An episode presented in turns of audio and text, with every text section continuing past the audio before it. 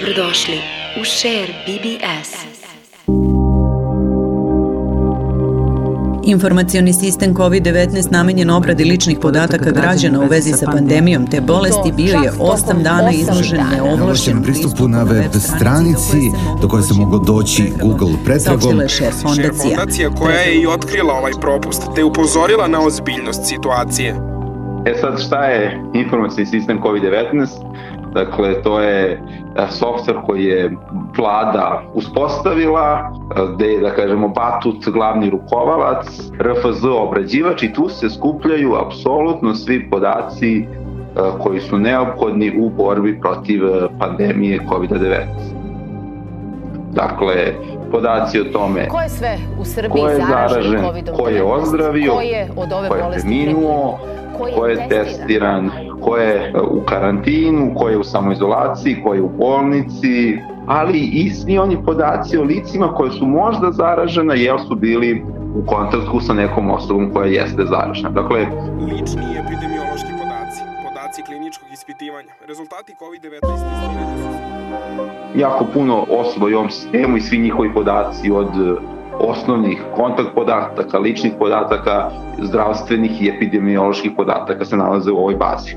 U tu bazu se svakodnevno unose podaci od strane zdravstvenih ustanova, oni se centralno obrađuju, krizni štab odatle izloči podatke koje čita svakog dana u 15 časova, a ove podatke mogu da koristi drugi državni organi poput policije, vojske, kancelarije za IKT i tako dalje. Ove podatke bi inače smele da posjeduju samo nadležne institucije zadužene za borbu protiv pandemije. Ja bih e, samo napomenula dakle da nije ni jedan sajt hakovan, dakle niko e, nije bilo nikakvih napada pa da se tako m, provalila kako se to narodski kaže e, šifra za pristup Pretragom ključnih reči na Google slučajno smo došli do stranice na kojoj su se nalazili pristupni podaci za informacioni sistem COVID-19.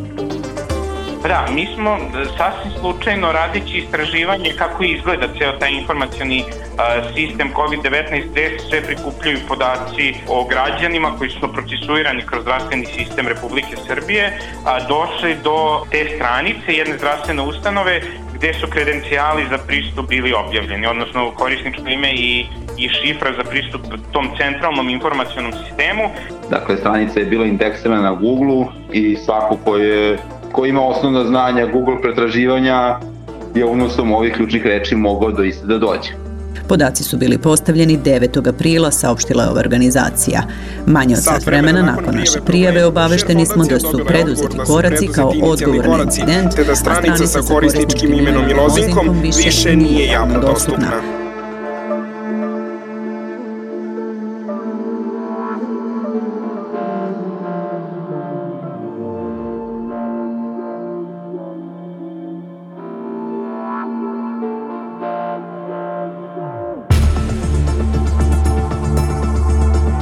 Ne samo što je neko mogao da e, vidi ove podatke, neko je mogao da unese pogrešne podatke, dakle da se unesu pogrešnu podaci u tu bazu na, na osnovu koje se donose e, brojne odluke na dnevnom nivou, a u slučaju da je i bilo nekog krivičnog dela, odnosno neovlašćenog pristupa, tu treba da se uključuje odeljenje MUPA za visokotehnološki kriminal i nadležno tužilaštvo. Međutim, ono što je jeste jako bitno je dalje istražiti slučaj, utvrditi odgovornost kako je došlo do toga. A, naravno, vanredno stanje i ta tenzija, odnosno ovaj informacijni sistem koji se razvio u jako kratkom periodu i, i pod velikim pritiskom, a, ostavlja prostor za, za neke propuste, međutim, svakako ti propusti treba promptno da se adresiraju iz razloga što se tu nalaze najostljiviji podaci u ovom Share fondacija odlučila je da u javnost ne iznosi koja zdravstvena ustanova je u pitanju, jer kako kažu, krivca ne treba tražiti na najnižem nivou. Pre svega smatramo da je ovo problem od sistemskog značaja, ovo je nacionalni problem, dakle e, ovaj sistem je ustavljen od vlade Republike Srbije, on je centralni za celu državu i ovaj problem je pre svega nastao kao posledica dugogodišnje nepažnje prema podacima. Tako da ni ovo izolovan slučaj nije da se nešto ovako dešava prvi put, što znači da mi generalno kao, kao društvo i kao sistem treba da malo ozbiljnije pristupimo kako upravljamo podacima naših građana. Naš gost, analitičar, danas je Slobodan Georgijev, on je novinar i verujem da se sećaš negde kada je počela ova e, pandemija, tada se pričalo da li bi trebalo da znamo ko su ljudi e, koji su u izolaciji, da li bi trebalo da znamo gde su locirani oboleli. Jel te iznenađuje da je to kod nas bilo dostupno javnosti i to duže od sedam dana? Toliko se priča o digitalnoj Srbiji e, proteklih godina, pre neki dan smo čuli da ćemo sad da imamo i digitalno zdravstvo Međutim, vidimo da na ovom bazičnom e, prvom koraku smo napravili jedan veliki e, propust i zaista je e, pravo pitanje da se vidi koliko je zapravo tih podataka iscurelo, ko je sve došao do njih. To je jedna stvar. Druga stvar je, ja bih rekao, da sada vlada može da vidi koliko je važan civilni sektor. Jer bez civilnog sektora mi ovo ne bismo, ne bismo ni saznali. Dakle, ko zna koliko bi to trajalo i tako dalje, ljudi se time bave na, na vrlo profesionalni i odgovoran način i šer fondacije, oni su zapravo pomogli državi u ovoj važnoj stvari. Tanja, izvolite. Pitanje je za ministra, juče smo imali informaciju da je informacioni sistem COVID-19 jedno vreme na internetu bio nezaštićen.